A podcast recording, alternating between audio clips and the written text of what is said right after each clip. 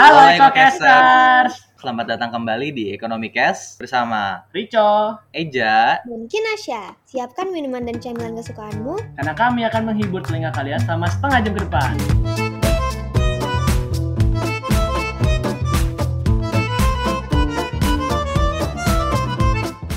Halo EcoCasters. Hai. Udah lama nih nggak ketemu.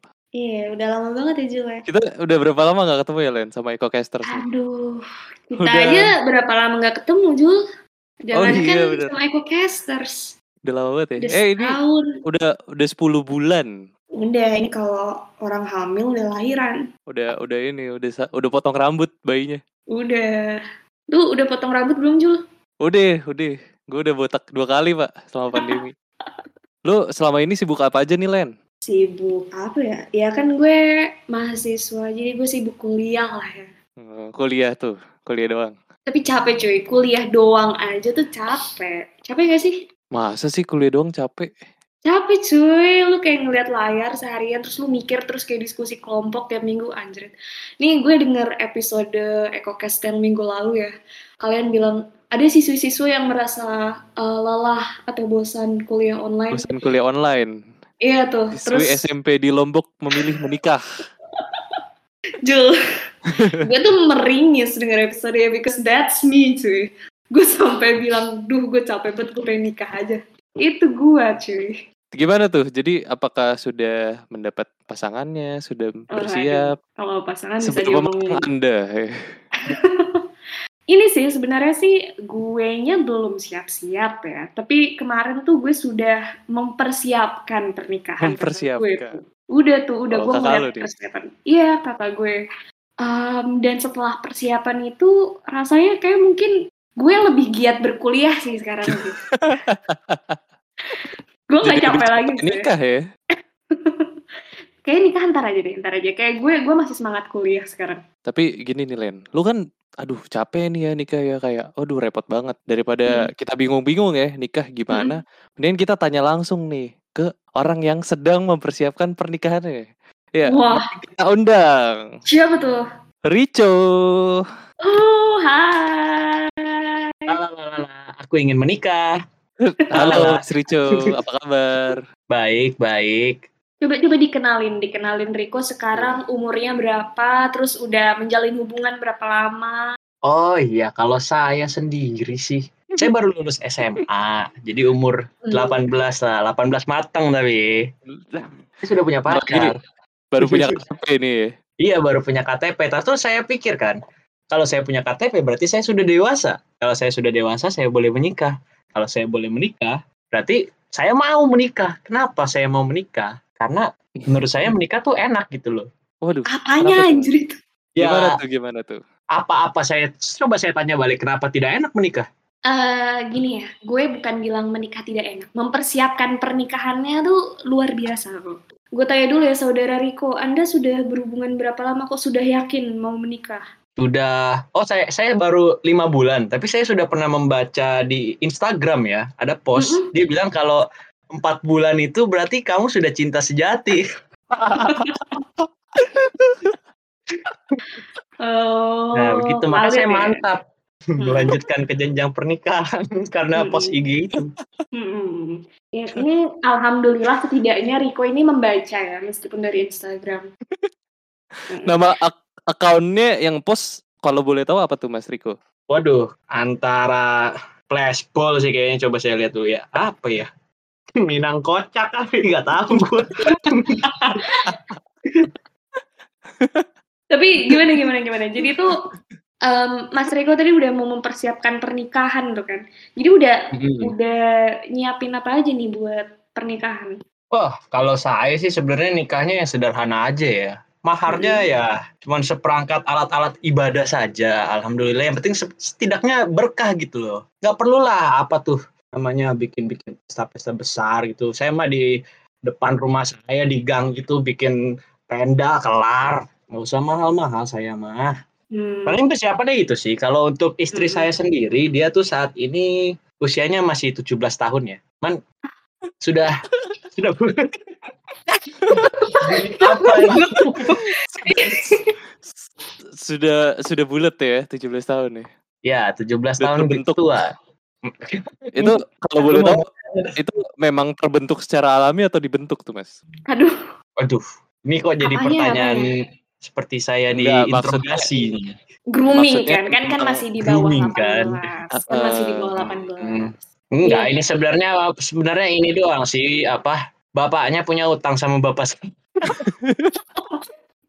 Lama-lama kalau gue dengerin ini podcast jadi jadi AU pet anjrit. Iya, astaga. Wah, Nikah muda lah. waduh udah kejauhan ya. Sorry, Iya. sorry, sorry. Coba gua ubah dikit ya. Enggak, dia umurnya Gak apa-apa. 18 tahun sama saya. Tadi saya bercanda doang, nggak mungkin lah saya pacaran sama anak di bawah umur gimana sih? Terus em, tadi kan lu kan bilang tuh kok tuh em, mau nikah di depan rumah aja lah di gang gitu pasang tenda. Emang menurut lu butuh biaya berapa sih itu? Waduh, kalau untuk biayanya sendiri sih kemarin saya sempet cek ya di tukang terpal ya. Itu sih harusnya 800 ribu sih per itu tuh gue tanya dulu itu itu terpalnya dari plastik apa dari kertas apa gimana tuh? Yo iya, dari plastik. Terpal dari apa? Kan supaya nggak kena hujan doang. Kita kan kalau terpal tuh segitu ya. Cuman kalau makanannya mungkin ya yang mahal tuh. Karena biasanya paling saya eh, ngasih bihun goreng gitu. Bihun goreng. Hmm. Lu bihun lu- goreng standar.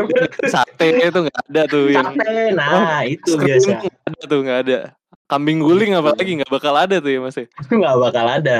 Jadi saya sederhana aja lah. Iya, sebenarnya tapi meskipun sederhana, bihun goreng tuh masih harus ada effort buat gorengnya. Saran gue lo nyediainnya mikromas sih.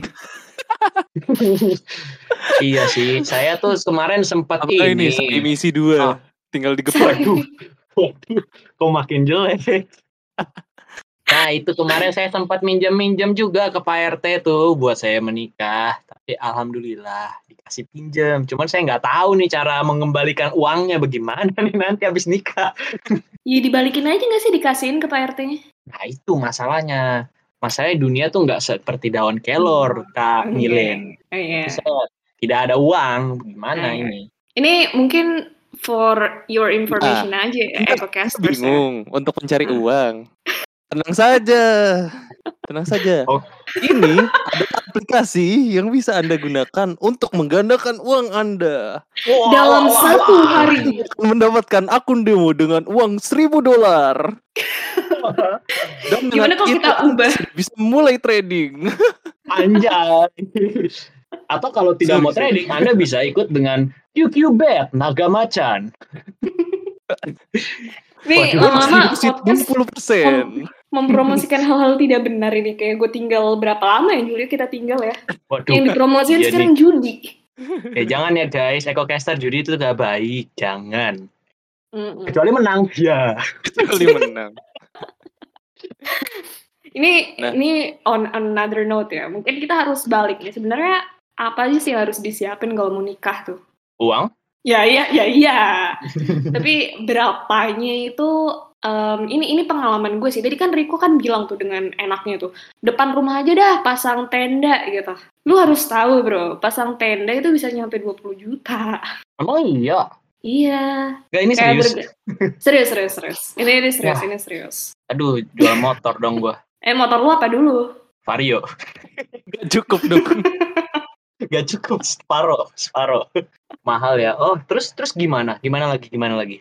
Nih Uang. kan ada Uang uang ini untuk makan, mm, Hmm, cateringnya tuh. catering, masih keluar Dan lagi catering buat pun- tanggung. Nah, catering Hmm. pun ada dua. Ada tuh? catering makanan berat sama catering makanan ringan. Sama Itu catering berbeda. keluarga. Hmm. Catering keluarga sama catering panitia. Catering Zupa Sup ada gak, Kak? itu ya yang selalu habis di awal ya. Iya, Pak. Itu itu yang selalu gue sasar itu. Pokoknya kalau ke kondangan, gue nggak gue nggak pernah yakin sama makanan lainnya kecuali supa sup. Gue kambing gu- gul kambing gulingnya sih gue gue sikat. Eh btw kan yang mau nikah gue. Oke lanjut lanjut. bener bener. jadi ngomongin Iya, makanan jadi- ikan orang. Jadi itu tadi ya, ada biaya tenda, terus habis itu biaya makanan. Makanan pun ada catering untuk tamu, catering snack, terus habis itu ada catering untuk keluarga, untuk panitia, yaitu ada perias, ada vendor. Itu harus kita siapin Ya, semua cetak tuh. undangan, kirim undangan. Cetak undangan. Dan lagi tuh yang harus dipersiapkan tuh juga ini bajunya guys. Wah iya mahal tuh Lu- baju tuh. Oh, Lanjut Iya. lagi nih oh iya dari lanjut aja. abis nikah. Abis nikah lu mau tinggal di mana, Cu? Waduh, iya sih gue nggak kepikiran sih itu mau di mananya ya. Oh, mungkin kalau di rumah lu bisa, tapi kan banyak barang gitu. Istri lu mau tidur di mana? Apa istri lu tidur di lantai gitu? Kan Iya nggak sih. mungkin nih. Dan seterusnya emangnya lu akan membiarkan istri lu tidur di kasur kars lu? BTW Kasur untuk klarifikasi gue nggak punya kasur cars ya McQueen itu. guys. Cars. Lo tau gak sih punya. kasur yang bentuknya mobil? Iya, bukan bukan Nah, cars. tapi gue berencana buat punya karena dulu waktu gue masih kecil anjir tuh keren banget. Cow, lu ke S Hardware kalau nggak Informa ya lihat kasur cars lu pasti kayak that shit man anjing tuh keren banget. Oke Iya. anyway lanjutkan lanjutkan gimana? Saya gimana nih mau nikah terus kalau gitu dari tadi kok saya dibantah-bantah terus ya? Saya harus apa? Nah, tenang aja. anjrit, nanya lagi lu. Masih judi lagi nih. Judi lagi. Enggak, enggak. Bukan. Bukan bukan judi, tenang, tenang. Jadi, Hmm. ya ini kan masalah klasik ya untuk orang yang mau menikah. Hmm. Resepsi aja udah bingung, uangnya dari mana? Gimana hidupnya nanti Hmm. ya kan? Gimana ngurus anak? Yes. Anaknya lahiran kan lahiran mahal ya. Bayar rumah sakit, bayar dokter, Mahal, mahal, bayar nginep rawat inap, ntar harus beli Hmm. peralatan bayi lagi, harus BTW beli kasur bidan tuh bayar gak lagi. sih? Bayar lah pak, masa gratis? Oh bayar, gue kira tuh mereka kayak gratis gitu, anjing kayak baik aja gitu mau bantu-bantu. Dukun anak, woi. Dukun anak aja bayar, maksud lu apaan kok? Oh iya sih dukun anak. Dukun anak nah, udah tadi gue gak tau lah gue ngapain ngomongin itu anjing. terus terus Iya. Belum lagi nanti harus ngasih makan bayi, harus mikirin lagi nanti sekolah di mana. Ya lu nggak mau kan lu anak lu sekolah di sekolah alam tiap hari main Waduh. rumput, sekolah terbuka, Mbak. sekolah terbuka ya kan. Eh, ada yang bagus juga sih tapi. Terus sekolah terbuka. setelah Ada lu jangan ngomong gitu lu. Eh, sorry sorry sorry sorry. terus setelah membesarkan anak, em, lu juga harus nyiapin biaya anak lu nikah. Waduh, Duh. cycle ya. Tapi tapi bukannya bakal ini ya. Kan nanti saya akan punya anak nih. Terus anak saya pas sudah mau nikah pasti saya udah kaya dong karena anak itu memberi rezeki gitu loh buat saya. Masa kalian tidak ada yang percaya itu Ah. rezeki anak dan rezeki pernikahan Eh, gitu loh. kok lu dapet rezeki dari anak, anak lu lu jual apa? Gimana? Tentu saja tidak. Kita akan menginvestasikan pada dia. Jadi nanti Ah. sudah besar dia akan membiayai saya. Begitu. Tapi investasinya pakai apa ya, Mas? Kalau boleh tahu. Kalau orang zaman Gimana? sekarang sih sebutnya ya kasih sayang lah. Saya kasih, saya sayang itu anak. Udah gede mas saya nanti dibeli-beliin sesuatu tuh sama dia. Wah anjing ini orang tua gue jangan-jangan mikir kayak Di gitu ya. mati misalnya. Lu dibeliin makam, pasti sih itu sih. Dibeliin apa lagi ya? Dibeliin kasur cars. Kasur Cars lagi. Call Ini. back to jokes. Terus udah gitu kalau ada apa-apa ya, ya amit-amit ya. Tapi ya siapa tahu kan ada misalnya ada masalah, ada ya genteng bocor deh. Sesimpel genteng bocor aja deh. Genteng bocor kan Hmm. udah jadi masalah finansial tuh. Kalau lu tidak mapan tiap hari lu tidur kehujanan, Pak. Waduh, Aw, kayaknya rembes mbak. besoknya kebanjiran gitu. Nah ini nih yang jadi sering jadi masalah. Orang nikah tapi nggak mikirin nanti makan apa. Emang anak lu mau suruh cari makan sendiri kan nggak bisa ya. Nah itu makanya kita sebelum menikah kita jangan mikir soal apa aja tadi cuh yang lu pikirin kasih sayang apa Kasih sayang, rezeki anak. ini yang di Instagram apa tuh cinta sejati Empat bulan sudah cinta sejati. itu sumbernya dari mana kagak tahu dah. Nah ini nih makanya nih penting penting nih buat orang-orang yang sebelum nikah tuh harus siapin dulu finansialnya, harus matang dulu ya nggak? Setuju nggak? Setuju? nggak? Setuju, setuju. Saya saya setelah mendengar penjelasan kalian berdua, eh saya menyadari bahwa uang saya tidak cukup untuk menikahnya. Saya belum siap secara finansial. Lalu pacar saya saya apakan ini?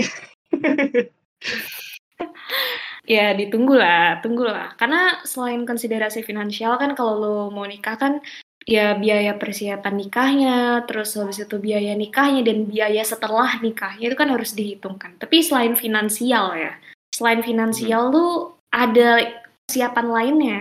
Apa tuh? Apa tuh? Eh, tapi ini disclaimer dulu ya ke ke EcoCasters. Sebenarnya kita tuh bukan mau nakut-nakutin. You're allowed to get married, tapi when the time is right gitu. Maksudnya ketika lu udah persiapan gitu. Jadi tadi tuh kita ngasih tahu misalnya biaya apa aja sih yang lu butuhin buat nikah dan selain finansial misalnya lu udah punya duitnya nih masih ada hal lagi hal lain lagi yang perlu lu siapin gak sih Apa tuh?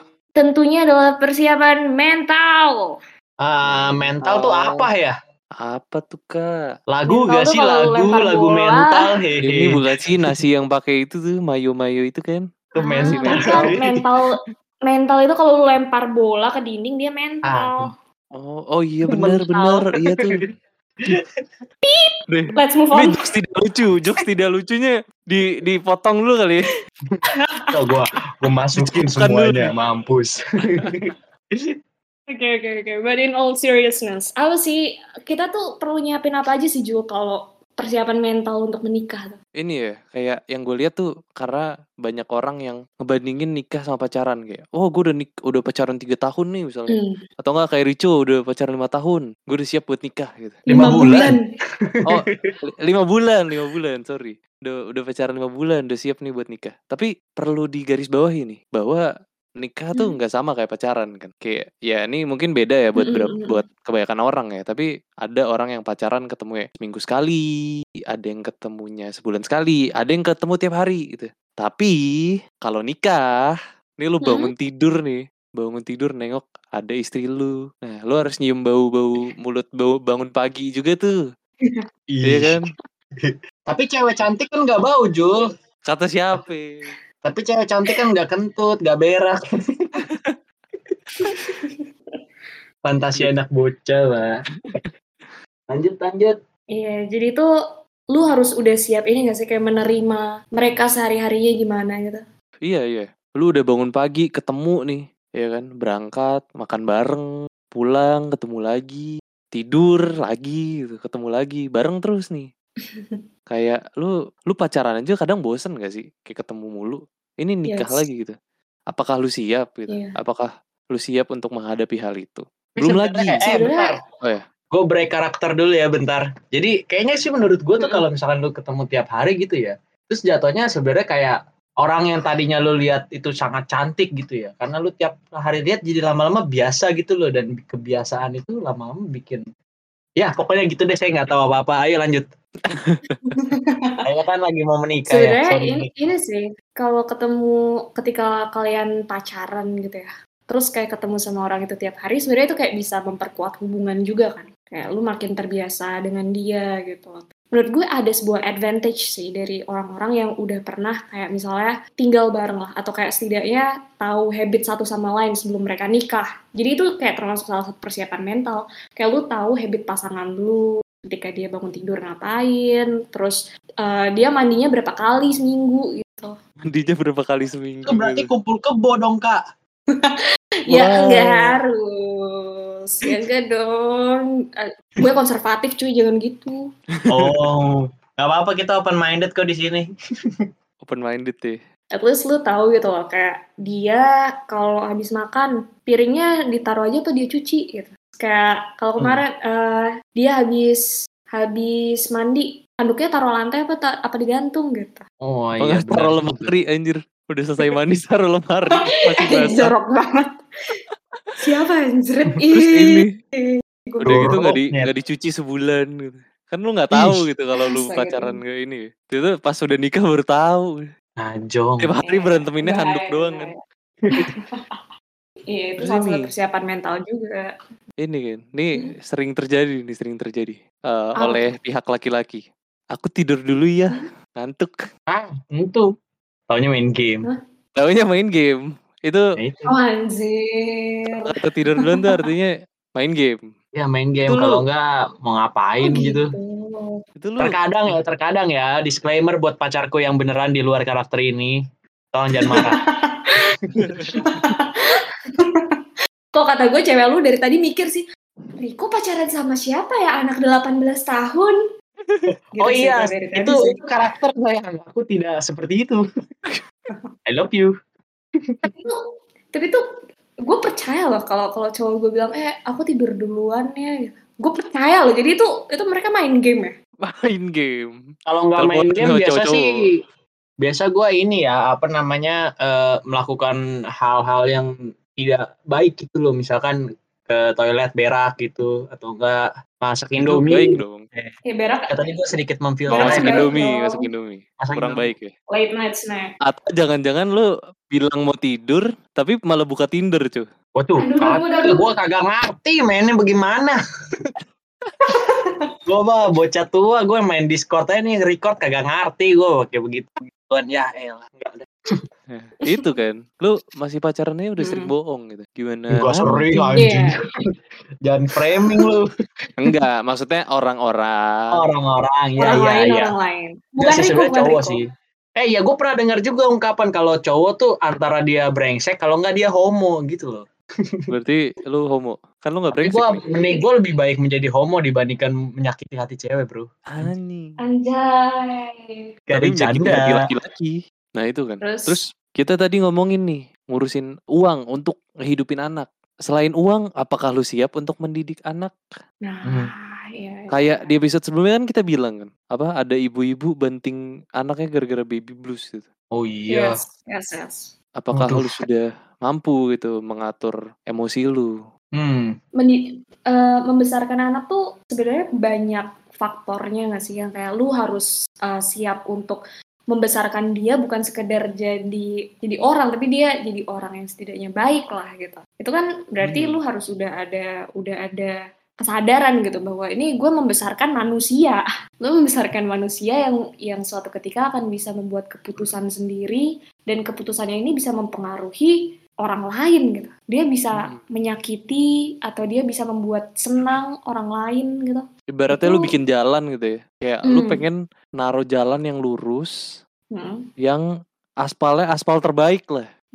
Biar jalannya jalannya halus Yes, gitu. Lu nggak pengen yes. naruh jalan lu nggak lu nggak mau naruh jalan-jalan batu gitu kan buat anak lu. yes Iya. Hmm. betul betul Oke, betul, oke betul. benar juga. Iya, makanya kenapa sebelum nikah itu sebenarnya harus ada kesadaran dulu. Misalnya, kita mau punya anak nggak sih? Hmm. Mau dong. Kayak, nah itu ditanya dulu, lu mau punya anak karena teman-teman lu punya anak, lu mau punya anak karena orang tua lu minta cucu, atau lu mau punya anak karena lu membayangkan, oke nanti anak ini aku besarkan untuk menjadi masa depan bangsa. Gimana tuh? Oh, gabut aja sih daripada miara pou kan ya. Miara anak. Atau-. Atau karena pengen aja. Tapi Iya. bukan pengen Hmm. anaknya. Hmm. Woi, Nah, Oh, baik itu jorok. tuh. Jorok banget Nggak sih jorok, pikirannya. Ih. Nggak jorok, Pak. Itu itu yang Hmm. sering sering lu jawab bahkan. Yang sering lu bilang, Cuk. Menghindari zina. oh, Dalam tanda kutip ya guys. Menghindari zina. Padahal zina Hmm. tidak akan pernah bisa terhindari bro. Kan masih ada zina mata, zina tangan, zina lalalala. Zina ya pikiran. kan Zina dihindari. Iya sih. Kalau kata Pramudia Anantatur. Berperilaku adil sejak dalam pikiran. Anjing. Anjay. Keren Anjay. lu. Anjay. Dan lanjut tadi gue pamer titik aja gue baca buku anjay. Akhirnya Riko baca buku lain selain apa tuh? Kitab setan ya? Melawat ke alam neraka. Oh. Wah, itu buku paling jedar.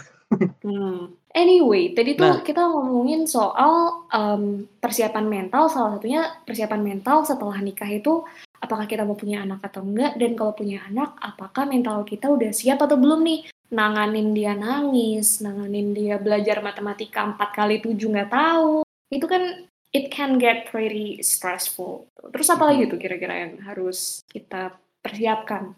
Ini sih, gue takut ada orang nikah buk kayak dia merasa siap nih. Wah, gue sangat siap. Kayak Riko tadi ya. Tapi bedanya kalau Riko kan finansial. Kalau ini, wah ini gue sangat siap untuk menikahi dia. Tapi ternyata karena moodnya lagi seneng aja. Ya, wah gue lagi seneng nih baru gajian. Waduh. Ya, ya, ya, ya. Menang judi, menang judi kan jadi seneng. Waduh. Ingat Iya, kalau iya, mau judi di QQBet. Cupid. Nih, astaga kita tuh ngomongin persiapan menikah, tapi Riko sendiri nih bisa dilihat ya. Persiapan mentalnya seperti apa yang dia buka websitenya apa? Ah, iya juga ya. Aku sepertinya masih terlalu anak kecil gitu. Uh, Tapi gue juga belum dewasa sih. Ini ini gue ngomong berdasarkan apa yang kemarin gue lihat ya ketika persiapan nikah kakak gue tuh dia nyiapin apa aja tuh kira-kira gitu. Hmm, Lu ngelihat masalah apa aja tuh Len? Kalau boleh tahu. pernah berantem Ini gak tuh- sih dia? Pasti pernah sih, bukan berantem gimana ya, tapi kayak berselisih paham gitu pasti ada, pasti ada. Karena nikah itu kan sebenarnya meskipun yang nikah itu dua orang, tapi yang ikut dalam pernikahan itu kan dua keluarga, tiga keluarga gitu kan. Jadi kayak Bisa tiga harus- keluarga? Itu bentar, istrinya bentar, dua gua apa gimana? Gue ngitung, gue ngitung. Hah, bagaimana Agak, bisa tiga agak, keluarga? I- suaminya kakak gua eh, orang tuanya ada dua gitu. Oh, Bentar, masih nggak mudeng, bentar. Gimana? Dia anak yang sangat baik sampai-sampai tetangganya tuh juga saking sayangnya ngangkat anak gitu loh. Oh, iya Kayak iya iya gitu. iya. iya. keren Nah, banget iya. bisa begitu. Iya makanya lu diangkat anak satu orang aja, satu pasang aja udah bersyukur kan kok. Ya tapi anyway, itu jadi pernikahan itu kan mempersatukan banyak pihak gitu. Yang lu persatukan bukan cuma keluarga tapi teman-teman lu juga. Itu kan kayak kita memperhitungkan siapa aja yang diundang di pernikahan. Eh, Hmm. Aku nggak mau dia datang ke nikahan kita gitu. Tapi Waduh. pasangannya misalnya ada yang bilang kayak, tapi dia penting buat aku gitu. Waduh. Aduh, Atau lagi pusing, itu pusing. berantem lagi tuh berselisih paham sih ya nggak berantem kakak gue nih marah nih kalau gue bilang berantem enggak enggak aku kemarin nggak berantem pasti gitu Enggak, dia dia nggak denger kan? Dia nggak denger kan? iya kita Ya udah. berdua saja nggak denger Mm-mm. Dia, Jadi dia tuh- berantem berarti. Iya. yang yang bisa menjadi selisih paham lagi adalah yang cewek nih biasanya cewek-cewek nanya nih ke calon suaminya "Eh, sayang menurut kamu kita venue-nya di sini cocok nggak nih Waduh. Ah, iya tuh kemarin masa saya sama istri saya saya bilang venue-nya ya terserah kamu saja lah kan saya baik gitu loh. Maksudnya saya bilang Hmm. supaya dia seneng aja gitu dia yang tentuin. Lah kenapa saya malah disemprot gitu? Kenapa coba? Apa Lah. maksudnya? Karena pasti jawabannya gini, kamu tuh iya iya aja deh. Kamu tuh ikut mikir nggak sih? Kalau aku tawarin, kamu tuh dipikir nggak, dicerna nggak? Apa kayak cuma Waduh. lihat terus iya? Kamu tuh biarin aku mikir sendiri. Ini tuh pernikahan kita. Wah. Wah, Wah, gue gak kuat. Nggak kuat, nggak kuat. Aduh, gue gak kuat. Percis, Pak. Ya itu dia. Tapi itu itu itu poinnya. Maksudnya ketika lo menikah kan dua orang kan yang menikah kan. Oh, Ya, jadi seharusnya saya ngobrol dengan lebih baik dan brainstorming dengan dia ya. Iya, iya. Coba deh gini deh. Kalau ini kita take podcast aja, kita diskusinya bareng-bareng kan, karena kita melaksanakan bareng-bareng. Dan Aha. podcast ini cuma kayak buat berapa 30-40 menit. Nikah berapa lama cuy? Hmm, nikah bisa 30 menit? Ya Allah. Nikah mut'ah. Udah haram pak sekarang. Udah gak boleh. Bisa sih nikah yang cepet, Gimana tuh? Gimana itu? tau nggak apa? Kawin lari. Oh, iya cepet banget sih. lari, Pak. Tergantung tapi kalau sama atlet bisa cepet. Oh iya. Ya. Aduh, nggak lucu lagi. Ya udahlah. Ya udah, gini aja deh. Kan dari tadi kita Ah. bingung nih. Aduh, takut banget nih. Jadi jadi takut nikah kan. Aduh, jadi nggak siap. Kalau misalnya gue merasa sudah siap gitu. Mm-mm. Ada Ah. nggak sih hal yang bisa mengkonfirmasi gitu? Kalau gue beneran siap. Ah, iya. Eh, nanya sama Oh, waktu itu saya pernah ini ke ke mana tuh yang di Kemang Village ada ada stand gitu. Terus ada Hmm. ibu-ibu gitu pegang bola kristal gitu. Dia bilang dia bisa meramal nasib. Terus saya apa katanya lo? Apa katanya? Katanya, wah ini secara finansial dan secara mental belum siap kamu ini. Terus saya langsung nggak seneng. Apa ini maksudnya? Saya cabut gitu deh. Apa ada saran Hmm. lebih baik untuk ini dibandingkan orang itu? Eh, Sebenarnya tapi mungkin ini ini ada nih temen gue. Halo temenku. yang halo temenku. Ya, jadi dia diramal Mm-mm. oleh seseorang. Katanya dia harus nikah by 24. Ini cowok ya. Oke. Ah-ah. Shit. Kalau enggak rawan MBA karena libidonya tinggi. Itu bah. ini beneran ini Oh, ya beneran. anjir. Kisah nyata dari temanku. Astagfirullah. Semoga semoga temen lu sehat-sehat terus ya Jul. Sekarang umurnya berapa Jul? Nah, itu umurnya udah menjelang 23. Ah oke. Semangat ya. Temannya Julio yang mendengarkan. Mm-mm. Jangan lupa pakai pengaman.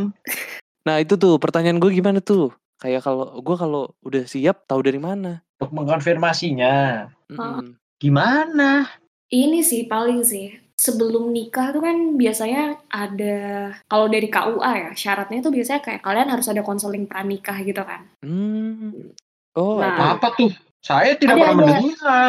Ya kan lu belum nikah. Oh, benar juga. Ya jadi Oh konseling berarti Anda pernikahan. sudah nikah nih Mbak Milin? Saya sudah sudah mempersiapkan lajang? pernikahan. Oh iya iya iya iya. iya. Iya, itu ada requirement-nya gitu. Jadi kalian datang ke KUA, terus nanti ada konseling pranikah dari orang KUA-nya gitu. Dinasehatin tuh calon pengantinnya gitu. Em, Apa sih yang perlu diperhatikan gitu. Nah, tapi tuh emang agak ini ya, agak kurang gimana gitu soalnya konseling pranikah ini hanya dilakukan sekali guys kalau sama KUA. Kayak Hmm. sekali dan itu pun boleh hamin tiga. Hamin Waduh. tiga menikah. Wah, tiga. Waduh. Itu udah udah nyiapin kondangan. Udah Iya, undangan itu. udah disebar. Iya, undangan udah disebar, udah bayar ini itu. Terus ternyata dibilang enggak sama orang KUA, ngamuk lah. Iya, Masa tidak saya mau menghindari zina dipersulit? Kali aja menghindari zina. Nah itu dia Anyway. kenapa ya orang dianggap dosa itu padahal kan bagus. Itu pembahasan untuk lain kali saja. Oke. Mm. Ya itu selain di KUA sebenarnya juga bisa sih konseling pasangan gitu ya. Kalian juga bisa konseling ke psikolog mungkin kira-kira apa sih kayak kekurangan kekurangan lu yang bisa dimengerti oleh pasangan, apa yang belum bisa dimengerti oleh pasangan kayak gitu dan gimana sih to work around that um, mismatch misalnya kayak gitu kan pasangan kan gak ada yang sempurna kan pasti ada yang mismatch gitu. Bentar-bentar. Hmm. Gue nggak salah denger nih ke psikolog. Iya, kenapa Kan tuh? mau nikah, kok ke psikolog? nggak tahu kalau psikolog itu kan untuk ketahanan mental ya. Jadi untuk nge-assess juga sebenarnya kalian itu udah um, mentalnya gimana sih sekarang uh, posisi kalian, mentality kalian sebagai pasangan gitu. Misalnya Hmm. ada komplain-komplain Em, dia itu kalau saya tanya jawabnya cuma iya iya aja ya nanti akan dikonfirm sebenarnya kamu tuh iya iya aja karena iya beneran karena pengen eh, menyenangkan hati pasangan atau karena nggak merhatiin aja gitu Pengen cepet Dan- aja gitu kan. hmm, pengen cepet aja kayak gitu that kind of thing can be worked out bisa bisa dilihat lah kira-kira ada isu apa aja nih kayak gitu itu kan Hmm. selain ke psikolog, misalnya misalnya ya kalian nggak ke psikolog gitu ya sebetulnya dengan kenal satu sama lain, kenal satu sama lain kan kalian juga bisa pick up habits em, pasangan kalian yang kayak eh kok gue nggak suka ya dia kalau makan tuh kecap gitu kayak ada bunyinya cap cap Hmm. cap cap cap cap gitu. Wah gue fix di mana emak gue tuh kok kayak gitu. Iya kan gak nyaman kan. Nah itu itu juga sebenarnya kan bisa ketahuan kalau kalian udah udah lihat gitu dari sebelum nikah, udah tahu habit pasangan kalian gitu. Terus misalnya visi misi mereka tuh tentang parenting kayak gimana, terus habis itu pembagian tugas di rumah kayak gimana. Misalnya kayak oh kamu karena kamu perempuan ya udah kamu stay at home aja, biar aku aja yang kerja kayak gitu. Nah ideologi kayak gitu bisa diterima nggak sama pasangannya kayak gitu. Itu juga harus dikonfirmasi tuh kalau kalian merasa emang udah siap nikah, kira-kira akan ada clash ideology di mana dan apakah belief tiap-tiap pasangannya bisa diterima sama yang lain atau enggak gitu. Hmm. Karir sih ya. Hmm. Soalnya nih calon istri saya dia mau kerja nih. Aduh bukan di rumah aja. Itu bagus dong, Mas. Kan Masnya kurang finansial nih kebetulan. Dibantu sama istri lah ya. Dibantu sama istri. Jangan ngeluh dong, Mas. Iya. Oh Itu iya ya. justru memperingan beban Anda dong. Hmm, pernikahan itu kan kerjasama. Oh benar juga ya. Sudah Iya. saya aja yang di rumah. Bukan membantu dong, Anda menjadi beban. Ya, kalau misalnya memang ah, persetujuan antar dua pihak ya nggak apa-apa gitu ya. Tuh boleh kata Julio. Oh saya di rumah. Iya kan makanya itu tadi harus dilihat tuh kira-kira pembagian tugasnya kayak gimana. Apakah pasangan kalian tuh setuju atau enggak gitu. Eh kalau gue di rumah aja gimana? Lu aja yang kerja gitu. Atau kayak sebaliknya eh kalau gue aja yang kerja gimana? Lu lu di rumah aja gitu. Gitu nggak sih? Udah iya, pernah iya, diomongin belum Mas Riko sama pacarnya? iya. Belum sih, cuman mungkin setelah podcast ini saya akan ngomongin sih. Ini insightful banget loh buat saya. Ini lumayan insightful dari orang-orang yang belum pernah menikah ya. Iya, iya. Tapi memang ini kan memang info untuk orang yang belum nikah. ya. Iya. Justru telat kan kalau udah nikah baru tahu. Ya nggak telat sih, cuma eh, lebih baik untuk tahu dulu Lebih sebelum baik. nikah. Lebih baik. Iya iya. Sama ini sih sebenarnya kalau kasusnya Mas Riko tuh tadi katanya kan mau nyiapin maharnya ya seperangkat alat ibadah aja ya. Ini harus Mm-mm. ditanya, harus dipertanyakan dulu. Bentar. Ibadah. Mas Mas Riko emang ibadahnya pakai seperangkat alat apa ya? Wah iya. Nah, Nah ini harus ditanya ibadahnya siapa? Saya kasih kitab suci Ibadah. saja. Jawaban aman. Nah kitab sucinya siapa? Gak tahu, gue juga bingung soalnya. Harus diperhatiin juga. Kalau emang Iya. kitab sucinya berbeda. Waduh, benar juga. Dia agama apa ya? Lima bulan ini nggak pernah ngomong. Eh eh eh eh eh. eh. Hmm? Ranah privasi mas. Oh iya, benar juga. Akan saya tanyakan ya setelah ini ya. Mungkin bisa didiskusikan dulu mas. Mau iya. mau pakai gaya apa? Mm-mm. Menikahnya. Iya, itu kan kesamaan perbedaan itu harus di figure out dulu sebelum nikah tuh kesamaan perbedaan visi misi, gaya parenting, ideologi, kitab suci, bahkan mungkin jenis kelamin. Karena kalau di Indonesia kan belum belum bisa dengan Betul.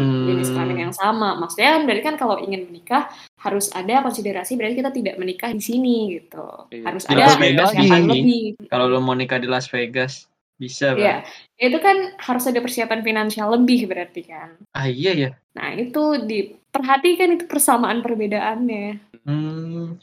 Jadi kalau jadi kalau saya dengarkan dari tadi dan bisa saya simpulkan untuk saya itu adalah saya bekerja dulu, terus Mm-mm. punya landasan finansial yang baik untuk anak-anak saya nantinya untuk membuat pernikahan yang bagus dan tidak memberikan maharanya seperangkat alat ibadah karena agama saya tidak ada alatnya. Terus untuk ya yang lain-lain karena menikah itu pasti perlu biaya gitu loh.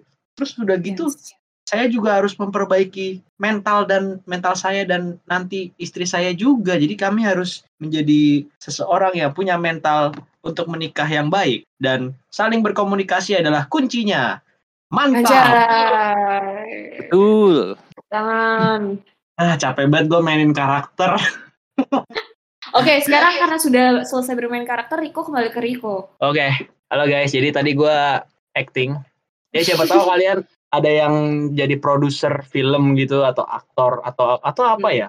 Atau mencari seorang pengisi suara yang bagus. Boleh sih kalau misalkan mau kontak gue karena gue sangat talented untuk menjadi karakter-karakter berbeda loh. Instagramnya Hmm. di Ricardo Ju 1 ya.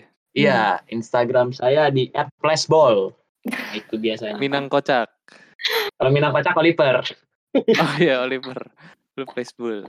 Nah, begitu guys. Jadi ya, sebenarnya tadi pas gue jadi karakter itu udah sedikit gue simpulkan juga ya. Intinya hari ini adalah kesiapan. Karena ide awalnya membuat episode ini adalah karena episode sebelumnya kita kebanyakan ngomong soal persiapannya di awal, tapi kita tidak mendalami persiapan apa gitu loh. Kita malah jauh banget sampai ekonomi makro, terus piramida penduduk, bla bla bla, dan itu sangat tidak relevan dengan kehidupan lu mau nikah kan gitu loh. Jadi kita buat ini Mm-mm. supaya ya setidaknya kalian bisa mendapatkan insight lah kalau memang kalian ingin abis kuliah nikah juga gitu loh kayak gue juga kayaknya abis kuliah mau nikah dah atau selama kuliah nikah ya nggak apa-apa juga kalau emang udah siap kan. Soalnya Hmm, kan kalau betul. kuliah kan biasanya udah di atas 18. Temen gue ada yang nikah umur 19 kayak gitu. Emang dia keluarganya sudah siap secara finansial, suaminya juga sudah Oh. siap secara finan eh, secara mental bagus kayak gitu. Ya that's fine kalau memang siap gitu ya. Tapi emang baru-baru ini akhir-akhir ini tuh memang lagi digencarkan Saat kampanye Sudah siap. jangan nikah saat sudah saat siap. sudah siap Ya harus diingat sih. Nah, denger ini gue jadi bersemangat nih ingin mempersiapkan pernikahan. Nah, Hmm. ngomong-ngomong itu, gue mau pamit undur diri dulu nih. gue pun, mau ke mana tuh Jul gue mau bekerja. Oh. anjay ikut dong Nggak. kerjanya Ayo sini, ayo bercangkul bersama kami. Atau nggak apa sih yang kuli itu? Yang kuli. iklan bah Angkat paculmu, angkat paculmu. Angkat Iya gitu. Ya.